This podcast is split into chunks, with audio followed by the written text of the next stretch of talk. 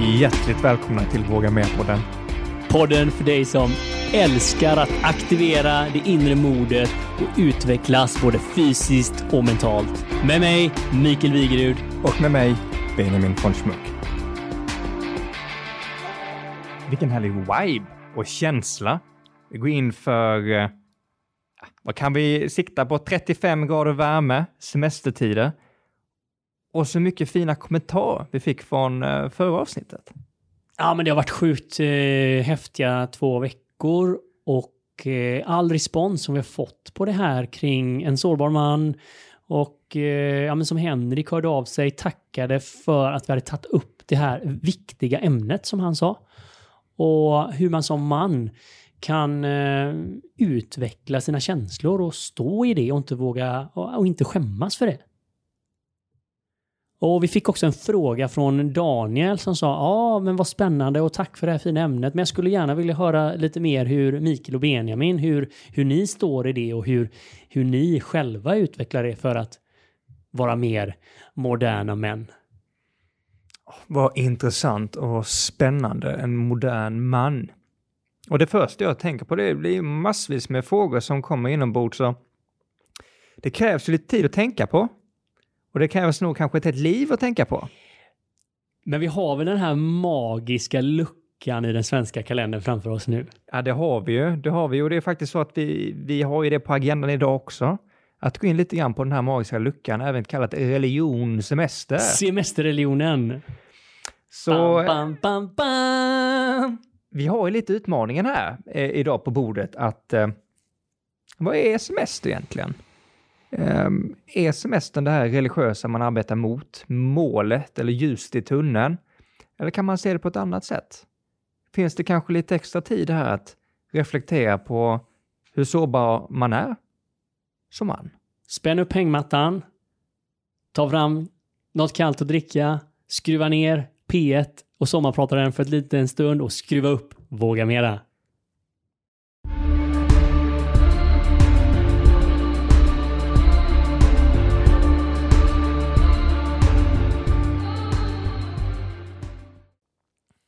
Vad sjukt roligt att vara tillbaka i studion. Jättespännande. Och vi har ju faktiskt en AC i studion för första gången. Oj, Det är inte lika varmt som alltid annars. Ganska tur också, typ varmaste dagen på året. Mm, jag hade igår kväll 28,5 grad halv elva i lägenheten. Ja men alltså, det här med att man inte kan åka utomlands. Behövs inte. Jag käkade frukost i morse, i morse med eh, mamma. Och eh, då sa jag så här. Har inte haft en sån här eh, frukost sa jag, sen vi var i Grekland, du och jag tillsammans 2004? Du vet, varma vindar. Man får sitta i skuggan. Man kör lite turkisk yoghurt med valnötter och honung. Alltså, overkligt. Ja, jag tror du sa det inför ja, med två avsnitt tillbaka, det här med att det börjar kännas lite grann som Medelhavet när brisen som kommer känns som att det är en ren och skär hårfön som blåser i ansiktet. Ja, nu förstår jag vad du menar. Ja, men det är ju en sån tydlig utomlandskänsla just det här när vinden inte svalkar utan vinden värmer alla håltork. Ja, precis. Och det är en jättebra segway inför dagens samtal. Ja, men det ligger ju över hela Sverige just nu den här semesterdrömmen, semesterdimman, vad ska vi säga, 365 dagar senare, bam! Det här Det är någon typ sig. av religion som eh, utlevs av alla svenskar just nu. Det enda som tuffar på det är aktiemarknaden. Ja, men snacka om att Sverige går ner i lockdown under de här fyra veckorna. ja, precis. En annan typ av lockdown. En annan typ av lockdown. Men, men du säger det, det är nästan alltså som man inte kan inte annat att skratta när du säger det, att, att det är som en religion och när vi har tagit bort alla andra religioner så är väl det här det mest religiösa vi har nu när det kommer till sommarsemester. Det är det, helgen och lillördag. Om student då så har man ju flertal lillördag i veckan också. Det var bättre då menar du? Nej, kanske. Men när man sätter sig så här ändå och tittar på vad är semester och hur mycket kraft lägger vi på det här och, och, och hur har det egentligen blivit som det har blivit? Och då tänker jag så här, hur länge har semester funnits i vårat ordspråk? Jag tänker ju på Eva och Adam. med att den, vad är det, sjunde dagen vilar man. Eh, Kan det vara så att det start på en dagar veckas eh, semester där, eller hur? Ja, men du är nära faktiskt. Semesterlagen instiftades i Sverige 1938. Ja, det här är någonting med en facklig rörelse att göra. De har ju varit, varit med och jobbat hårt för att vi ska ha den här möjligheten. Så är det ju. Eh, men det började då 1938 och då, eh, då fick man till två veckor betald semester per år. Och då pratar vi Sverige, va? Ja, då pratar vi Sverige, ja. Och jag tror Sverige har varit ganska ledande när det gäller semester, tror jag. Internationellt sett. I alla fall om jag tittar just nu. Så det är få länder som har hängt med i semesterutvecklingen som Sverige. Det skulle kanske vara Tyskland i så fall, men ja. ja. Något sånt, ja. Eh, Där man kanske har, eh, jag vet inte om vi har benchmarkat där, men det är ganska fräckt. Det är nästan 1940, alltså 1938. Innan då så existerade, Det är inte ens hundra år sedan alltså. nej.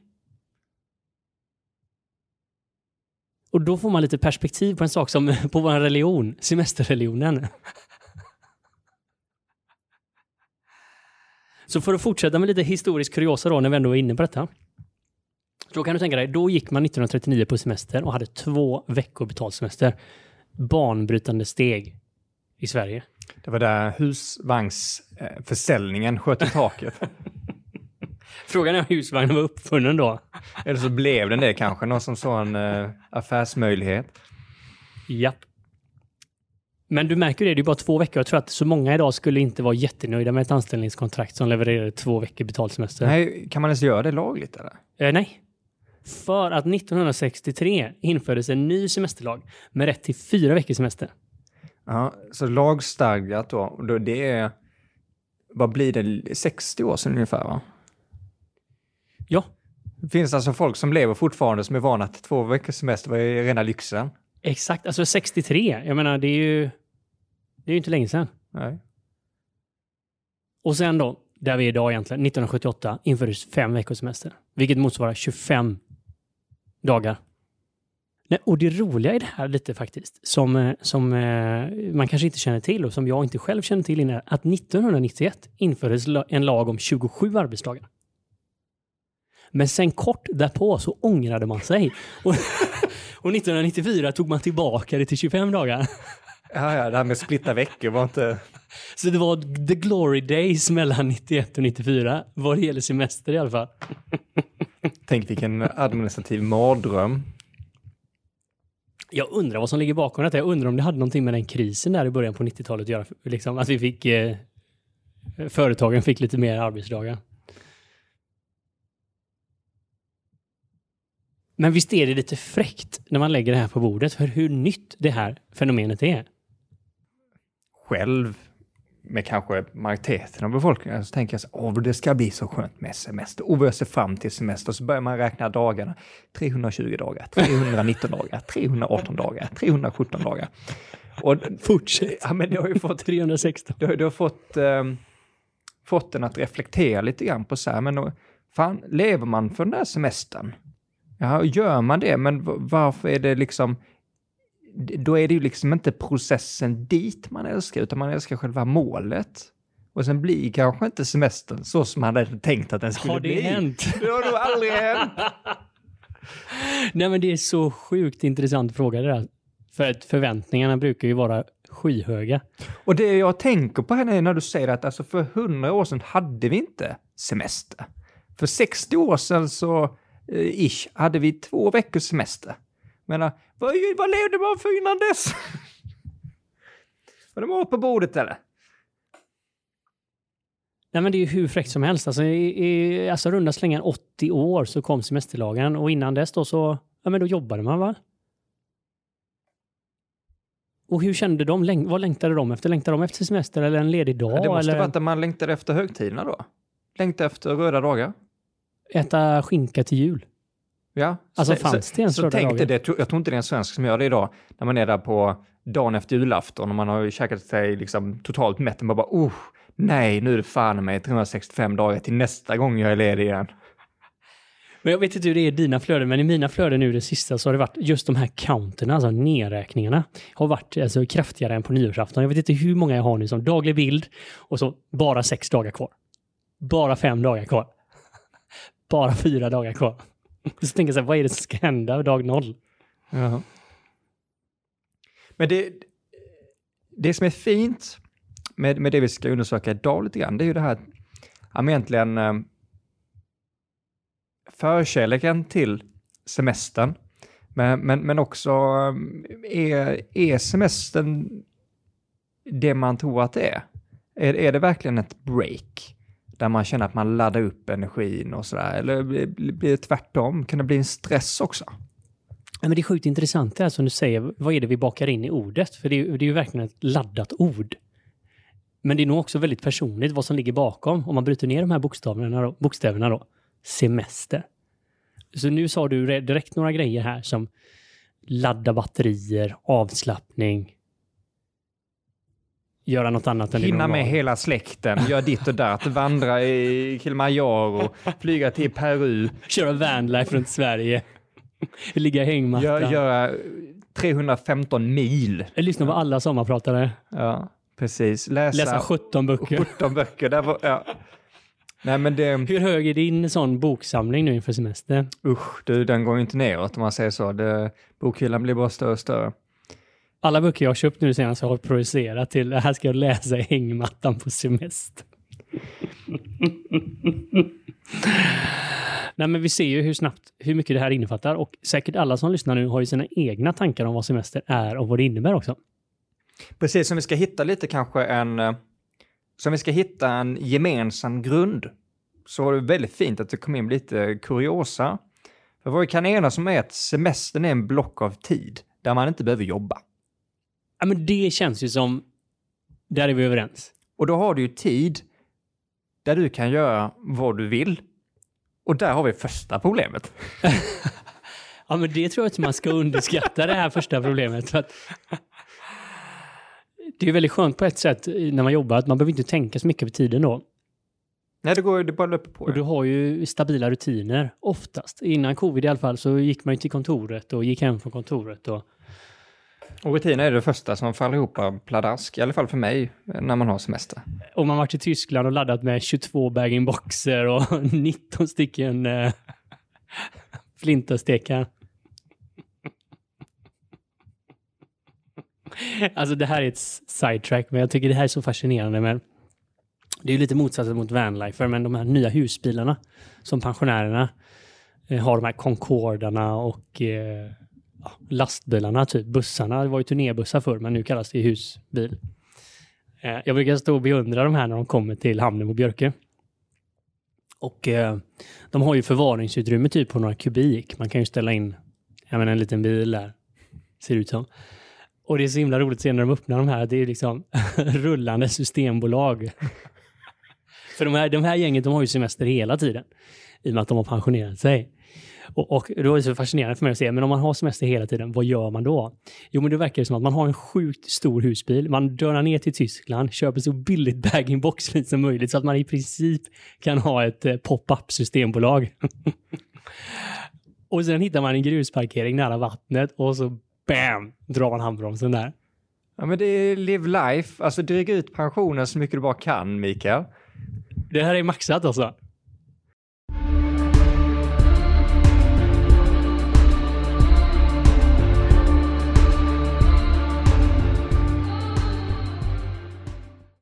Nej men eh, semester är ju väldigt personligt.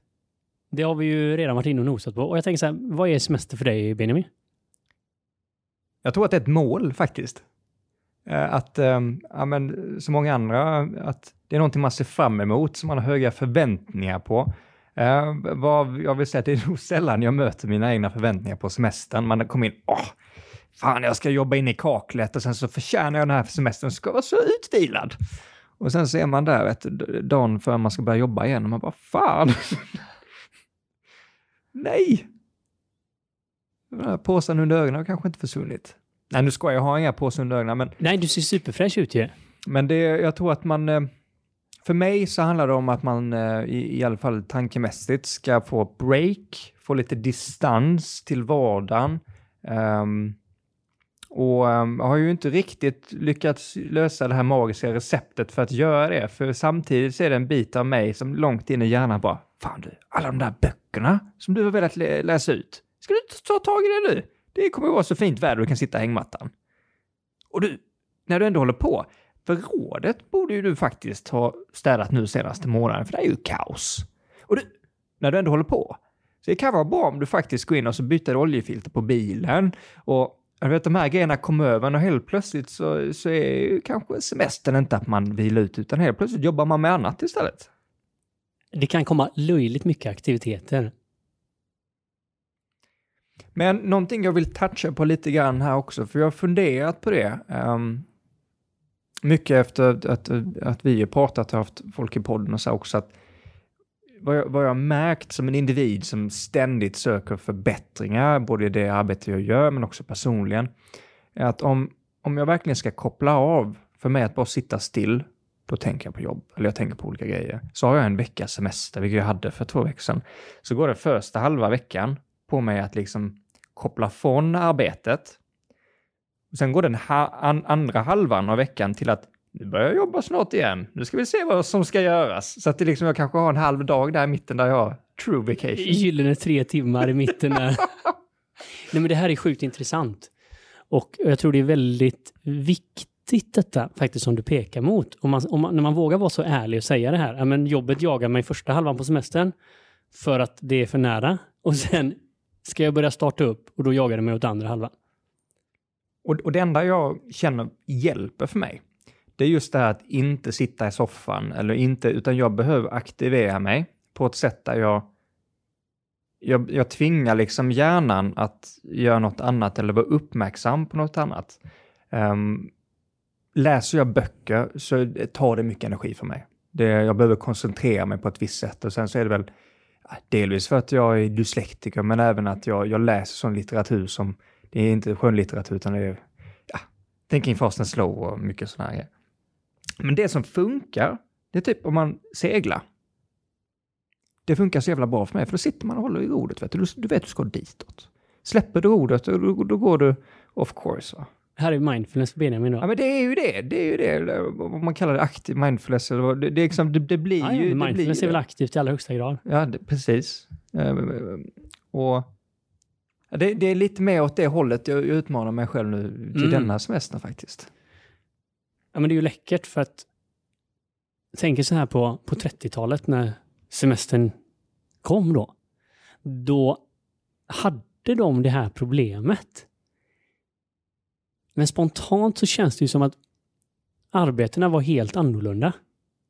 Du menar att det var mer som att man, man gick till arbetet, utförde arbetet, sen kom man hem och hemma hemma? Kanske inte att man tog med sig arbetet 24-7? Jag tror inte att det var så tankejagande som det är idag, utan det var säkert mycket mer fysiskt jobbigt för de flesta. Och kroppen behövde kanske vila, att det var fantastiskt att få bara några dagar där armar och ben kunde återhämta sig och huden kanske kunde läka och det saker så att det var riktigt relevant.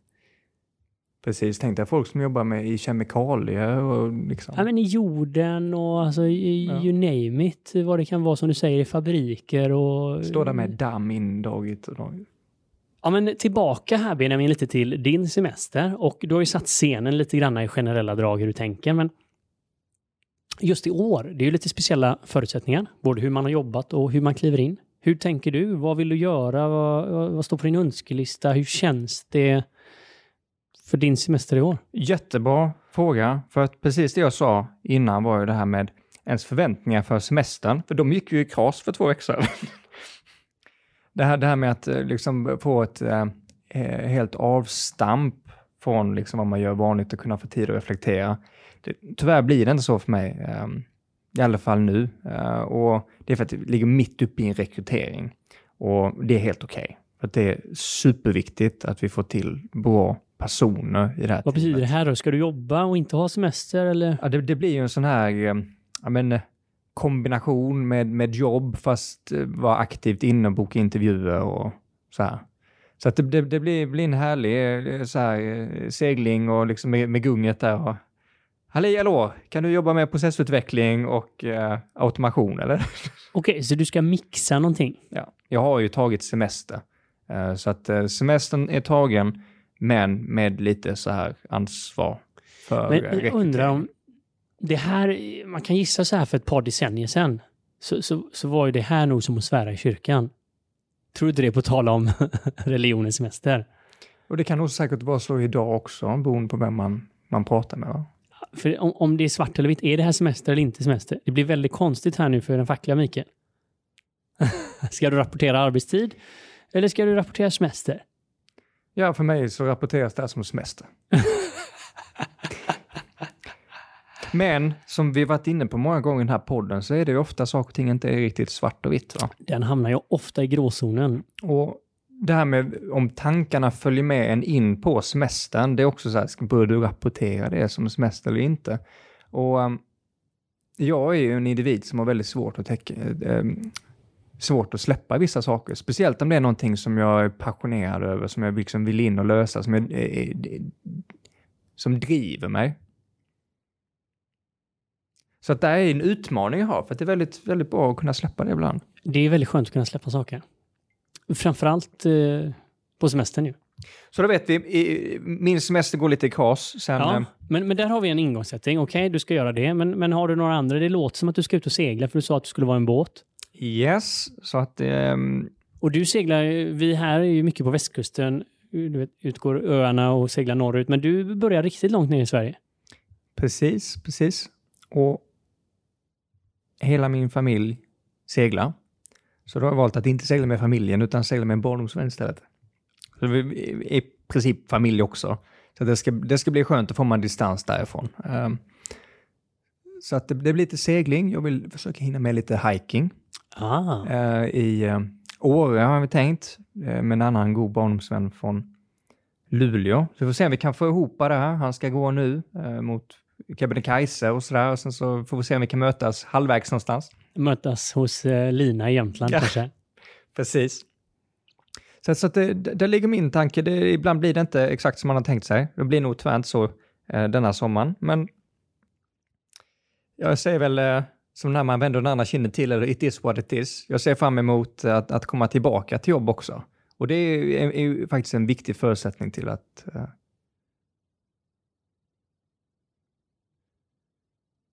Men vad jag känner framförallt också det är att jag ser fram emot att komma tillbaka till jobb redan efter semestern. Och det, och det brukar inte jag känna på det sättet. Så det, det känns ju väldigt trevligt faktiskt. Hur många veckor ska du ha? Jag tar tre veckor. Ja. Och tänker du då, ska det, det låter ju ganska aktivt. Det finns väl två tydliga eh, stereotyper här. Den aktiva som ska göra massa grejer och den passiva som ska ligga i hängmattan, lyssna på sommarprat och kanske bläddra i en bok.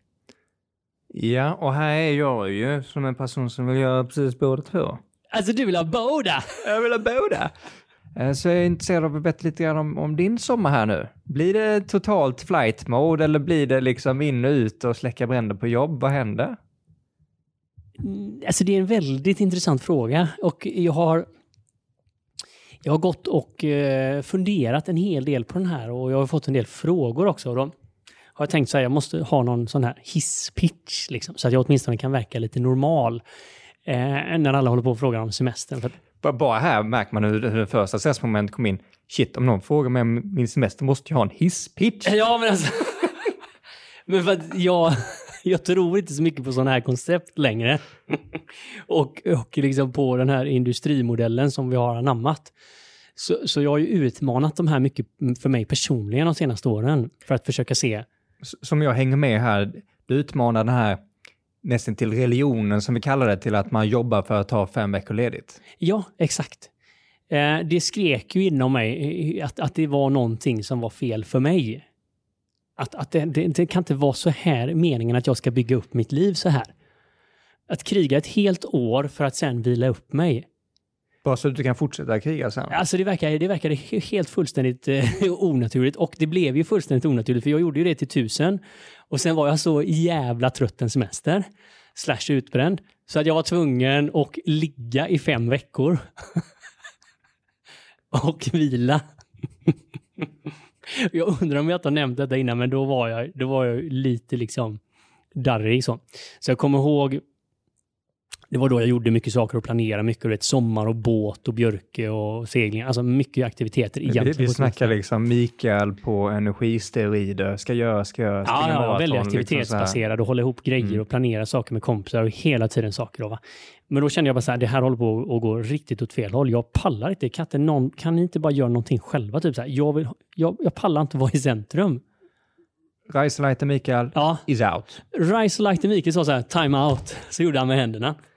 Och jag kommer ihåg det så väl, för jag låg på Torsholme på Björkö.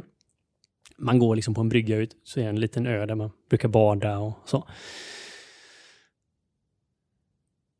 Och folk bara kom till mig och bara, Åh, kan vi åka ut med båten imorgon Mikael? Och, och kan vi göra det? Och, och jag hade en bok i min sån här lilla tygpåse. Jag hade en keps som jag la över ansiktet, hoppades att ingen skulle se mig.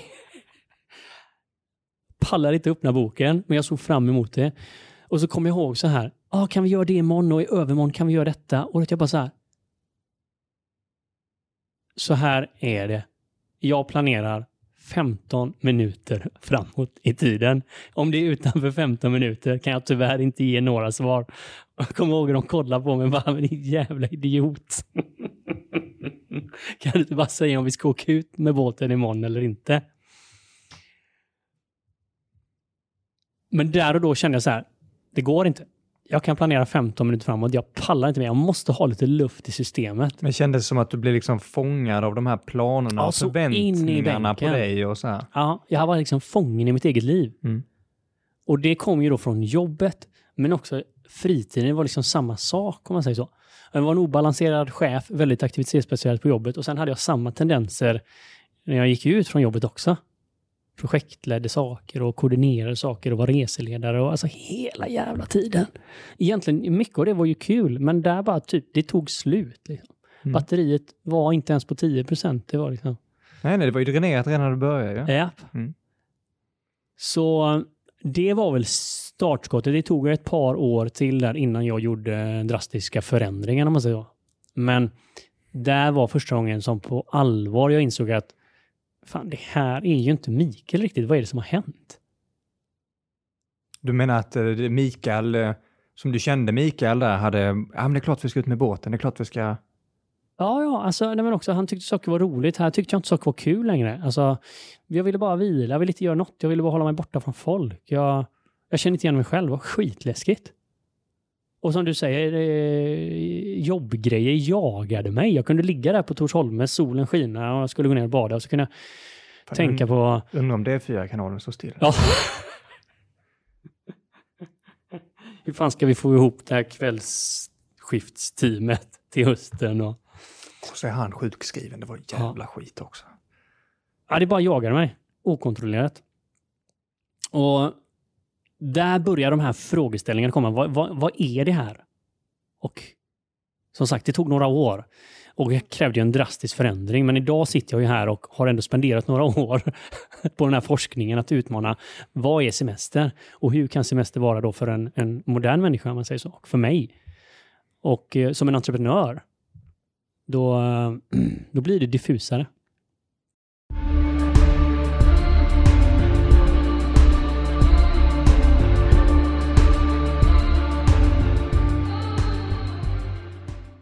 Vi inledde samtalet med bakgrunden om semester. Att semestern var, jag kan tänka mig rent affärsmässigt, känner man att det här är behövligt så att man inte har strejkande personal, folk som går in i väggen och liksom... Men jag tror inte ens gå in i väggen fanns inte då. Det kan vi kolla nästa gång. Ja, det, det- kom det in i ordboken. men det, var typ kolla. 2012 eller någonting. Eller 2008. Det, det, eller det är nog liksom eh, kanske i, i höger hand eh, rent humant och i vänster hand ja, ekonomiskt. Jag tror att det är nog någonting som går hand i hand här. Ja, men tänk också vad det öppnat upp egentligen för Sverige om man tänker att man fick det. Tänk hur mycket semesterställen och vilka minnen som har kommit för familjer som har tältat och varit på Öland och varit på resor. Alltså, tänk vad mycket schyssta grejer som har hänt.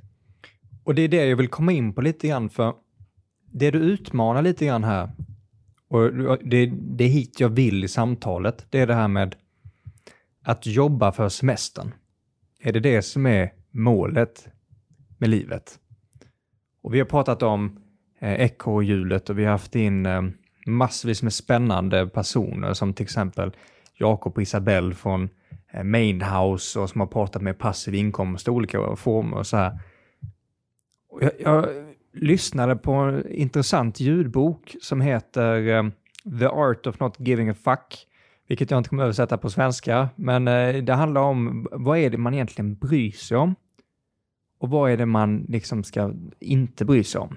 Och han menar på att folk idag, de bryr sig om precis allt. Och då, då, då har man ingen e-, e-, energi, man har liksom inga fucks to give längre. Och någonting som jag tar med mig därifrån, eh, den här boken, då säger han så att folk kan ha drömmar och alla har någon dröm.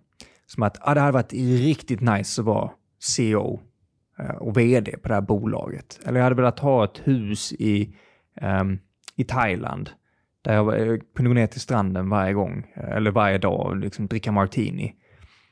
Men det är ingen som liksom blir förälskad i processen att ta sig dit. Utan de är förälskade med den här målbilden, den här uppmålade liksom paraplydrinken där man ser eh, vågorna som kommer in. Men man tänker inte att det är processen dit man ska älska. Om du inte vill jobba liksom 60-70 timmar i veckan och liksom gå över lik och verkligen stångas för vad du vill, om det är det som krävs för att man ska nå en, en viss position i ett bolag. Om du inte är intresserad av det, ja då kanske den drömmen är helt fel. Det kanske är liksom fabrikerat som något mål som man vill åt men man inte är beredd att gå för. Och samma sak med om huset i Thailand med stranden, om, om man inte är beredd på att förstå sig på bostadsmarknaden i Thailand och vad som krävs och hur man liksom eh, överlever runt omkring. Man är inte beredd att göra den biten och kanske det också är en sån här fabrikerad dröm. Så om man applicerar det mindsetet till istället för att se fram emot semestern, att man ser fram emot processen dit. Vad är det man egentligen jobbar med? Vad är det för eh, energi man lägger ner och får ut? Kan vi få liksom hitta en jämn balans här med att eh, semestern och arbetet fungerar hand i hand, att det ena är inte för det andra så att säga? Men det är då det börjar bli väldigt spännande. Och eh, då är du inne lite på den här forskningen som jag har försökt ta till mig Jag själv. tänkte att det mappade fint här va? Jajamän. Och du är inne på det här också hur mycket betingat det är till de här orden. Det är ju väldigt laddat. Vi har ju fått mycket av det här i modersmjölken. Och industrisamhället är ju väldigt präglat och skolsystemet är väldigt präglat och allting är ju väldigt präglat till detta. Och i Sverige så sammanfaller det ju med det fantastiska vädret och allt kul däromkring. Men det är så himla spännande när man skalar den här löken lite granna. Och man börjar titta utifrån sig själv och vad man vill. Det är ju väldigt mycket måste. Skiner solen måste man vara vid havet. Man har dåligt samvete om man sitter Exakt. inne. Exakt. Jag är så sugen på att sitta och lyssna på en sommarpratare idag. Jag vill lyssna på Benjamin, vad heter han, Benjamin, inte du utan den som sjunger. Ingrosso eller? Ingrosso! Jag vill bara lyssna på hans sommarprat. Och då är det 28 grader varmt. Börja lyssna på Ingrosso och bara ha löjligt dåligt samvete man ska vara. Av alla som har så jävla roligt nere på beachen. Det här är ju så sjukt spännande för det här hänger ihop lite med det du är inne på, hur saker är betingade, att man måste göra saker på grund av någonting. Man blir hållen fastkedjad i ja, men egentligen tanken på vad semester ska vara. Exakt, och det är det här vi vill lite grann med hela det här samtalet, att skala den här löken. Att bara titta lite på en helt naturlig sak med andra ögon. Och då som du säger, okej okay, men vart pekar det? Och vart pekar det för mig? Varför är jag så jävla krånglig idag? Varför måste jag ha en hisspitch liksom för att säga om jag ska ha semester eller inte? Och för mig var jag tvungen att gå ut lite grann och distansera mig, men, men det pekar ju precis som du säger mot livet. För när man väl börjar att bli intresserad av semester så blir man ju också intresserad av livet. Jag kommer ihåg det här tillfället när du och jag snackade om jobb och då kom du och hade haft en tuff dag på jobbet och så är det så här, ja men jag är trött och känner mig lite dränerad. Helt naturligt som man säger efter. Så kommer jag ihåg så pratade du så, men, men tänk om det hade varit tvärtom då? Tänk om man hade känt sig laddad efter en dag på jobbet? Är det självklart att man ska känna sig dränerad för att man har jobbat en dag? Om man gör någonting som är inspirerande, roligt, motiverande, som ligger i linje med det man vill, Känner man så då? Nej, det gör man inte.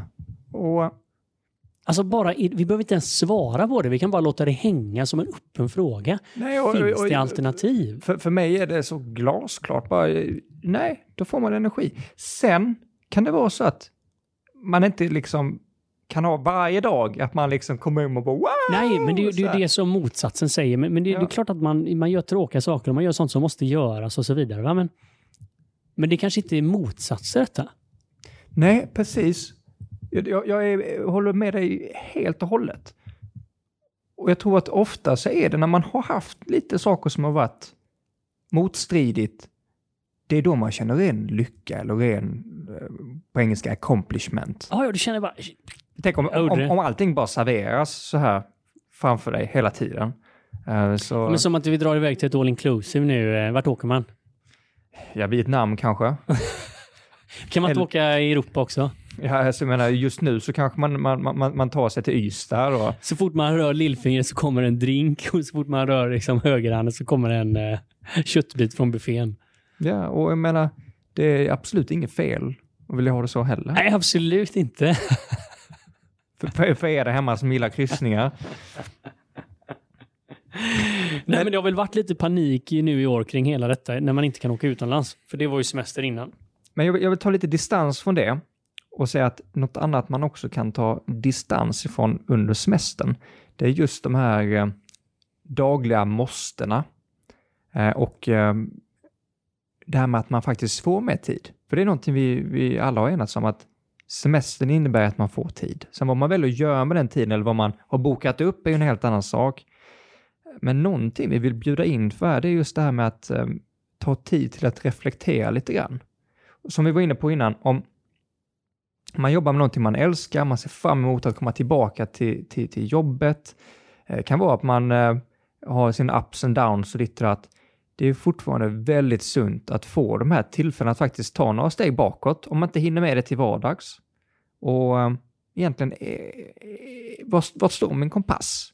Vart någonstans seglar jag? Är det så att om jag seglar norrut att jag börjar drifta lite söderut? Jaha, okej, men vad ska jag ta för att korrigera så att jag ser till att um, min riktning är dit jag vill? Ja, det är ju en grym tid för detta. Det är ju att, att skapa lite space. Jag tror det krävs jävligt mycket mod. Att skapa lite utrymme i aktiviteterna. För precis som du säger, när man saktar ner hastigheten lite granna, oavsett om det är en bil eller en båt, så tenderar ju det som ligger bakom en att komma ikapp. Precis som det gör på en båt. Båt eller gräsklippare. Men på en båt är grejer. det väldigt tydligt, för om du kör snabbt och så sänker du farten så kommer det en bakvåg. Alla som kör motorbåt vet det här väldigt tydligt. Så kommer en våg som nästan liksom reser hela båten och trycker den framåt. Och det är ju precis den här som kommer inombords också. Och ni kan nog gå till en person väldigt nära er, kanske om höger eller vänster. När vi har laddat upp den här vågen och kört fort under lång tid så vet vi att den här kommer komma. Och då är det kanske ofta så att det är inte så skönt när den kommer den här vågen. För den innehåller en hel del grejer som är lite godare att undvika. Och här vill jag hänga lite grann, just nu när vi är på toppen av vågen, man har bromsat in motorbåten. Ehm, att öppna upp för reflektion är ju superviktigt. Och jag, jag tror att desto oftare man kan göra det och liksom stämma av med sig själv, desto bättre. Ja, men som Thomas sa förra veckan. Att det är okej att känna och det. Ja. Och, och där har jag egentligen en fråga med, med eh, Mikaels fina forskning här. Man kan ju också samtidigt, när man går in och reflekterar över sitt liv, hitta så mycket grejer man tycker är fel. Och ibland är det svårt att se det som är bra. Och det är ju direkt följt av någon typ av ångest. Hur kan man eh,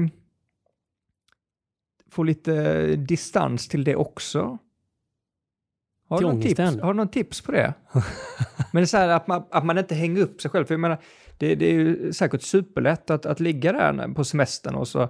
ehm, det är ju superlätt att ligga på semestern och oh, jag hade velat ha eh, det där huset eller en ny lägenhet eller ett, ett, eh, en bostadsrätt i, i Spanien. Ja, ja du hör ju hur de här aktiviteterna kommer i huvudet. Och så tänker man på, okej, då måste jag söka upp det där med lån. Okej, hur mycket kommer det kosta? Kan jag finansiera det på något sätt? Och sen helt plötsligt så får man ångest över att man inte tagit tag i att kolla upp de där lånen eller de där eh, bostadsrättsreglerna med, Ja, med aktivt ägande. bara Och helt plötsligt så ligger man där och man bara, fan semester, ska jag slappna av, ska jag få energi till man bara, oh, vad många nya måsten som kom upp. Nej, så där blir det väldigt enkelt. Och eh, det är därför det är lättare att hålla sig sysselsatt. Så det där är ju en del av vågen som du beskrev nu.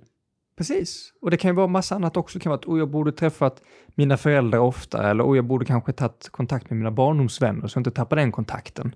En miljard den här- grejer. Den här vågen är full med så mycket. Men man får vara jävligt schysst mot sig själv där.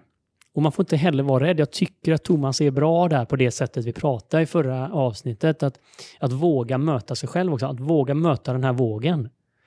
Vad den innehåller är ju väldigt individuellt, men att den innehåller saker, är, det vet vi.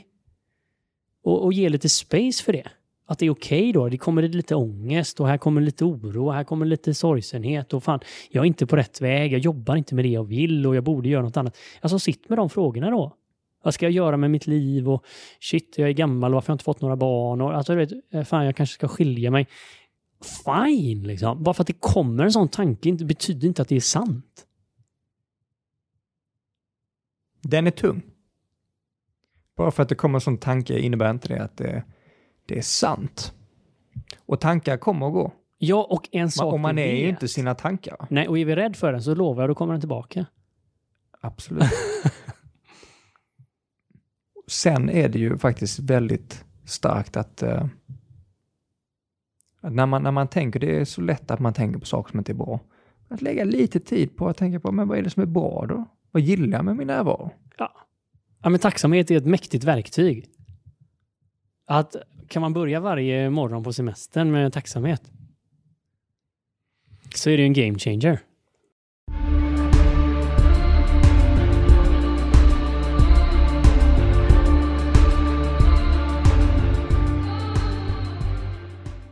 Semester är någonting idag som är religiöst. Vi tar det för givet allihopa. Men det gjorde man inte för hundra år sedan, för då fanns det inte. inte som det som vi ser idag i alla fall. Och eh, semester bjuder in till mycket. Bjuder in till eh, olika aktiviteter, bjuder in till ah, kanske mindfulness eller segling, kanske till eh, extra jobb på verandan, kanske till ett fullspäckat schema men man ska träffa alla familjemedlemmar.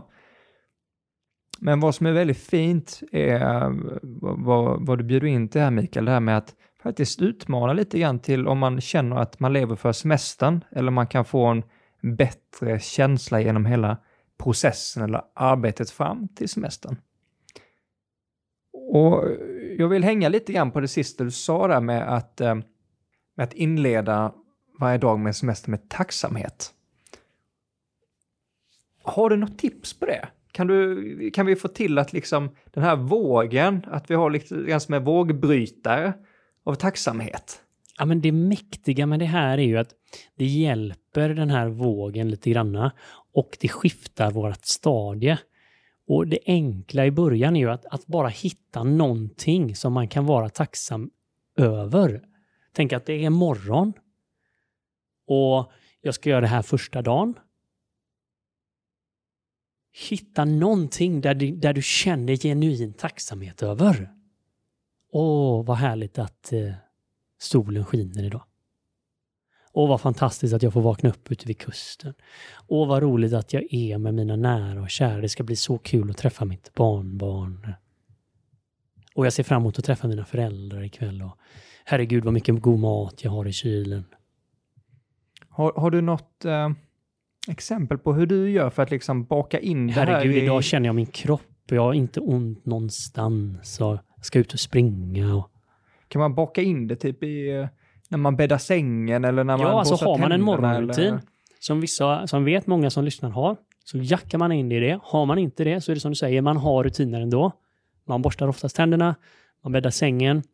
Jacka in dig i någonting. Dra nyttan av det som du gör varje morgon. Det behöver inte ta många sekunder, men det gör hela dagen annorlunda. Om, om man är som jag som har stångats lite ibland med sånt här, man, vad fan, ska sitta och göra massa övningar och sånt och det ah, känns lite småtöntigt. Hur, hur, hur, hur, hur hade jag då kunnat ja, men, eh, bryta det mönstret lite grann och att få till att man testar, ge en ärlig chans?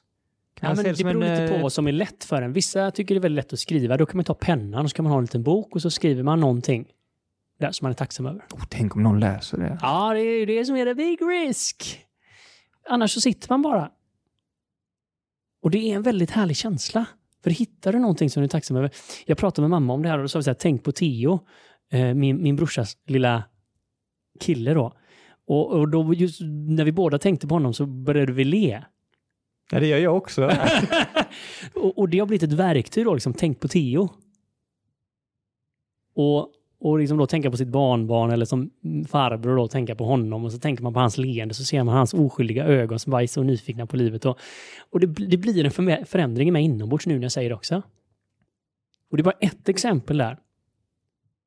Men jag tror att nu kan alla som lyssnar kan hitta någonting.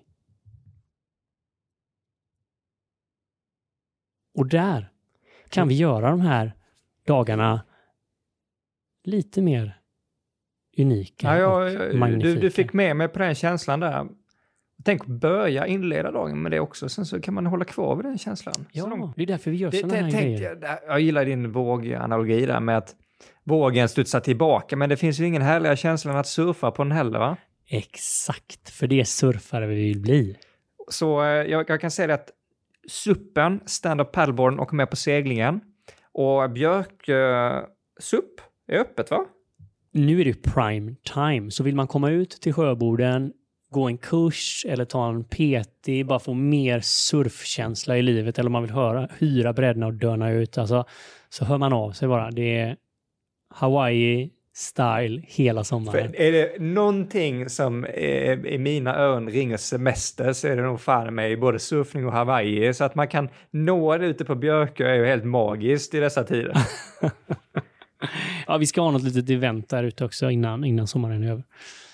More to come. Men surfa, jag tycker det är en sån jäkla bra metafor. Eh, vi vet hur mycket grymma lyssnare är där ute.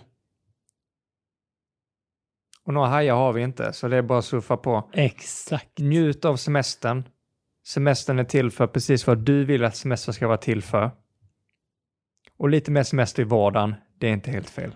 Och eh, bomba in eh, grymma idéer eller grymma tips på sommarpratare eller böcker eller vad det nu må vara så ska vi dela ut det med vårt eh, härliga Våga Mera-community. Ha det gött! Ha det gott, trevlig semester. Pew!